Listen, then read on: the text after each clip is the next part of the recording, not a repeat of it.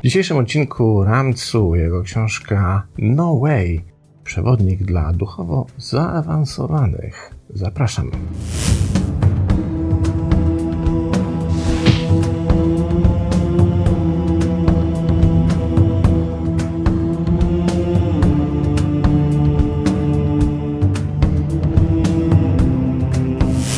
Tego tytułu celowo nie tłumaczę na język polski, ponieważ określenie no way w języku angielskim ma zbyt wiele znaczeń i myślę, że jakkolwiek byśmy to przetłumaczyli na język polski, odbyłoby się to ze szkodą dla tytułu, więc zostawmy No Way. Przewodnik dla duchowo zaawansowanych, przy czym oczywiście słowo zaawansowanych pojawia się w cudzysłowie. Jak się za chwilkę okaże, nie bez powodu. Zaczniemy od tego, żeby się przyjrzeć temu, kim jest Ramcu i tak naprawdę temu, dlaczego sięgnąłem po książkę aż z 89 roku, czyli sprzed 33 lat.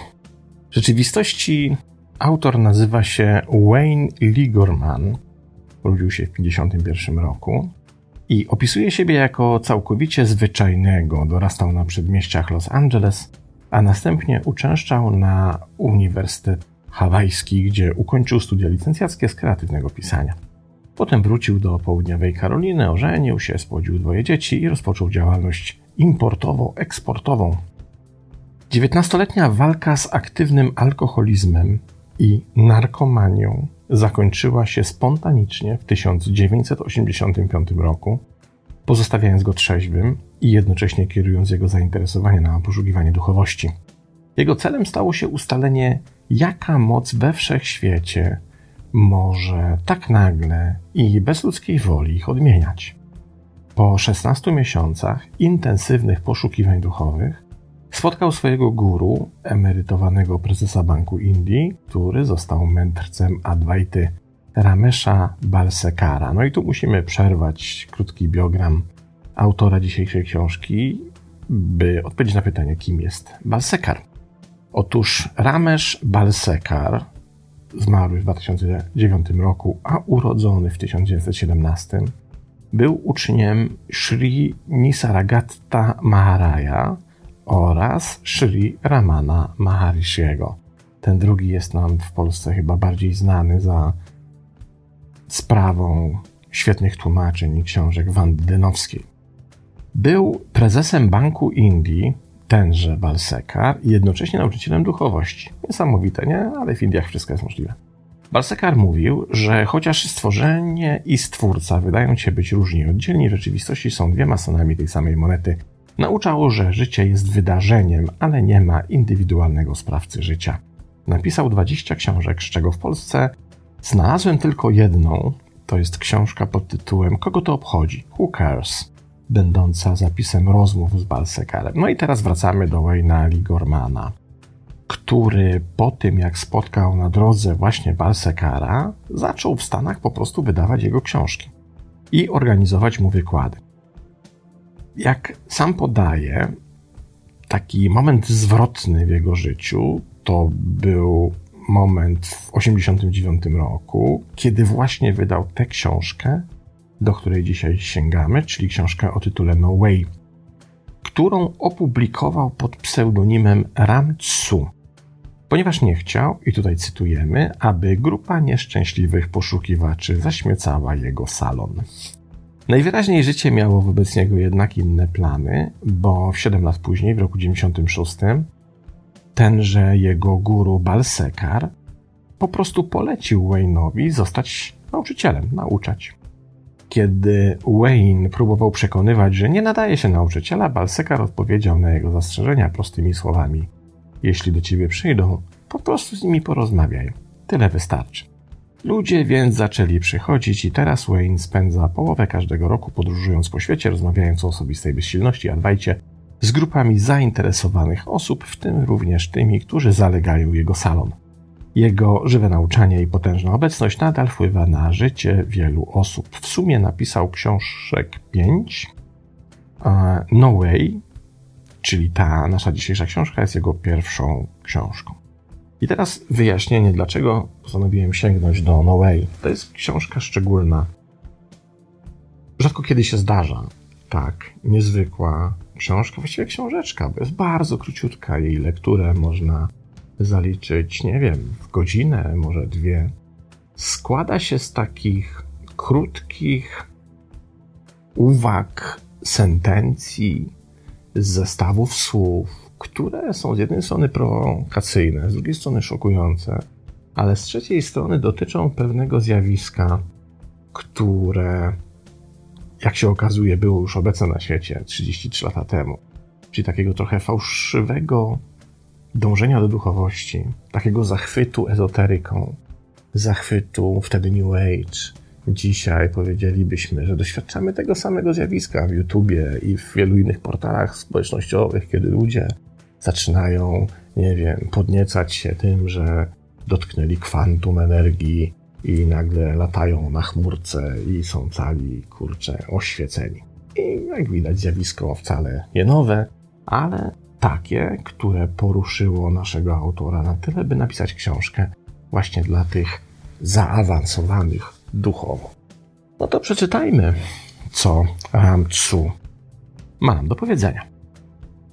Jeśli jesteś naprawdę sprytny, to teraz odwrócisz się i odejdziesz. I to szybko.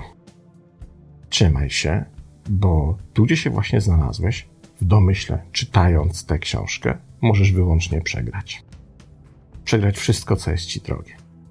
Wróć zatem do swojego kościoła, swojej świątyni, do swojego terapeuty, do swojego dealera narkotyków, do swojego ashramu. Tam możesz znaleźć chwilę spokoju. Tak jak już nieraz tego doświadczyłeś, tutaj znajdziesz wyłącznie pustkę. Nie znajdziesz tu pożywienia dla swojego ego. I to jest niestety trochę tak, że kiedy doświadczamy spotkań z ludźmi, którzy chwalą się swoją duchowością, przynajmniej wobec mają na ręku kręcone sznury modlitewne, kolorowe ciuchy i są tacy cali uduchowieni, to zaczynamy nabierać pewnych podejrzeń, że za tym całym anturażem tej duchowości trochę stoi karmienie ego. Że to ego potrzebuje tego pokarmu, potrzebuje tej takiej pseudoduchowej strawy, żeby się chociaż na chwilę uspokoić, żeby na chwilę uwierzyć, że oto zrobiłem coś dla siebie, oto wyruszyłem w duchową, czy wyruszyłam w duchową podróż, a zatem coś się dobrego dzieje. Ego jest spokojne, osiada na laurach, ok, medytacja internetowa odfajkowana, kąpiel w wannie z lodem odfajkowana i inne tego typu rzeczy odfajkowane. Jest ok. Radzu mówi, uważaj, bo idąc w tę stronę, nawet nie zauważasz, że w istocie karmisz swoje ego dokładnie tak samo, jak twoje ego było karmione przez twojego dealera dragów, czy przez dowolną organizację religijną, czy wyznaniową, w której do tej pory uczestniczyłeś i której uczestnictwo teraz negujesz po to, by właśnie wspiąć się na te wyżyny ezoterycznej nowej duchowości. Poczytajmy dalej. Tym razem o strachu. Strach nigdy cię nie opuszcza. Jest częścią ciebie. Tak przywiązany do twojej istoty jak twój oddech. A zatem dotknij go. Pogłaskaj, poznaj go dobrze. Tak długo jak jesteś, on będzie z tobą. Ty jednak krzyczysz, chcesz z niego zrezygnować. Odpychasz go z całej siły, ale posłuchaj tego rozkwita dzięki właśnie tym Twoim zabiegom. Staje się silniejszy, gdy dajesz mu coś, na czym może się wesprzeć. Pozostawiony sam sobie usknie i umrze, ty jednak wciąż kierujesz się przekonaniem, że nie możesz tego zostawić w spokoju. Zawsze musisz walczyć ze strachem. Twoja natura musi zawsze walczyć. Kiedy przestajesz walczyć, pojawia się łaska. Znikasz w tym i nie ma już bitwy, a nie ma bitwy, bo odszedł wojownik. Ale im bardziej go ścigasz, im dalej to idzie, im ciężej walczysz, tym głębiej toniesz.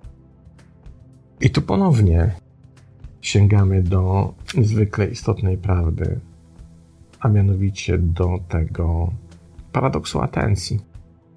Im większą atencję nadajemy rzeczom, których chcemy się pozbyć, tym silniej nam towarzyszą, tym są trwalsze w naszym życiu, tym bardziej z nami trwają, tym bardziej są obecne i tym bardziej stają się niepokonane. I nawet kiedy w jakiś sztuczny sposób próbujemy na chwilę o nich zapomnieć, żeby je odgonić od siebie, to samym tym aktem, tą chęcią odgonienia, chęcią pozbycia się ich, chęcią uwolnienia, tak naprawdę je wzmacniamy. Więc kiedy wchodzimy do wanny z lodem, by poradzić sobie z naszym lękiem czy bólem, to pamiętajmy, że on wróci, jak tylko z tej wanny wyjdziemy. Kiedy wyjeżdżamy na wakacje, by pozbyć się stresu, tak jak wrócimy z tych wakacji, stres natychmiast rozkwitnie, jak tylko wrócimy z całą okazałością i okaże się, że ta nasza wakacyjna podróż była zaledwie chwilą bardziej lub mniej udanego odpoczynku od stresu, ale nie narzędziem, które nas go pozbawiło. Poczytajmy dalej. Zawsze szukasz Boga w wysokich miejscach. Masz poważne kłopoty. Prawdziwi mędrcy stają się poza zasięgiem. Pokładasz swoją wiarę w ezoteryzm, aby chronić się przed własnym cynizmem.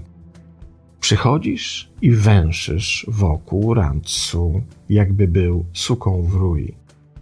Masz nadzieję, że dostaniesz czego oczekujesz, a twoje duchowe skalne blokady odpadną. Rantsu to wie. Twój orgazm, twoje doświadczenie Boga, twoje doświadczenie absolutu to nie wynik oświecenia, ale wyłącznie twojej własnej masturbacji. Silne słowa i dużego kalibru, ale dające wielce do myślenia. Czy czasem nie jest to tak, że to, co uznajemy za dotknięcie absolutu, nie ma z tym absolutem wiele wspólnego, a jest tak naprawdę efektem naszego chcieństwa. Jest jedynie kolejnym efektem naszych pragnień, naszych oczekiwań, naszej iluzji, którą się karmimy, że to, co inni nam mówią, co mamy robić, to wejście na ścieżkę doprowadziło nas do ścieżki, a w rzeczywistości to kolejna iluzja, która tak naprawdę, co powiedział wcześniej Ramcu, jest w stanie wyłącznie karmić nasze wygłodniałe ego. Myślę, że słowa ważne i na pewno do przemyślenia. Kolejny fragment. Możesz mieć wszystko pod warunkiem, że nie chcesz więcej ponad to, co masz. Niestety, nie jeden z Was w całej historii świata nigdy nie dostąpił ostatecznego zadowolenia. Wkurza cię to, czyż nie? Ramcu to wie. Ty jednak nigdy dotąd nie wiedziałeś, co jest naprawdę dobre dla ciebie. Przynajmniej nie bardzo. Zawsze wybierałeś drogę najmniejszego lub największego oporu. Środkowa droga, droga bez walki przeraża cię. Na środku rzeki gdzie płynie szybki prąd, a woda jest głęboka, wszystkie twoje wysiłki są bez znaczenia. Tam na pewno utoniesz. To byłoby okropne, Ramcu to wie. Jeśli naprawdę chcesz zobaczyć światło słoneczne tańczące na liściach, musisz najpierw mieć czyste okna. Ale ty jesteś poszukiwaczem, więc jejesz na bali jeść fioletowe grzyby, które wyrastają ze świętego krowiego gówna.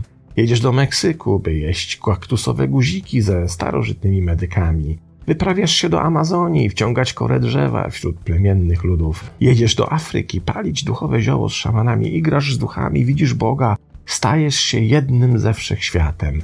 Ramcu ma do ciebie pytanie. Dlaczego kupujesz bilet w obydwie strony?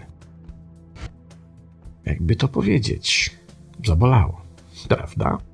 Po co nam bilet w drugą stronę, kiedy staramy się ruszyć duchową ścieżką przed siebie. Sam akt zakładania, że jest z niej powrót, oznacza, że wątpisz w ścieżkę. Sam akt, którym zakładasz, że wchodzisz do wanny z lodem, żeby z niej wyjść, jest tak naprawdę aktem przeczącym temu, po co tam leziesz. Na tym polega duchowość. I wracamy do początku, do jednego z pierwszych cytatów. Nie znajdziesz tutaj karmy, dla ego. Znajdziesz tu wyłącznie pustkę.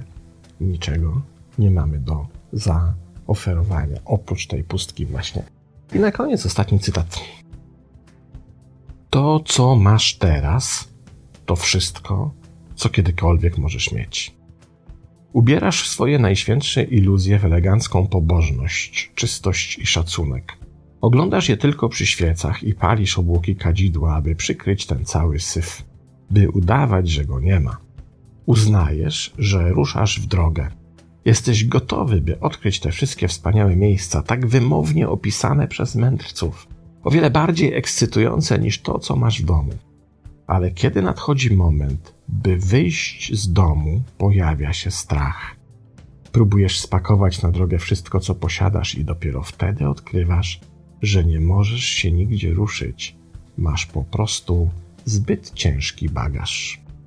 Jakże cudowna, mała książeczka, która powinna nam tak naprawdę w duchowej ścieżce towarzyszyć każdego dnia, która mogłaby dla nas pełnić rolę takiego naprawdę zimnego, szorstkiego prysznica, dzięki któremu możemy choć na chwilę się opamiętać i zdać sobie sprawę, co jest iluzją, a co nie. Książka powstała w 1989 roku.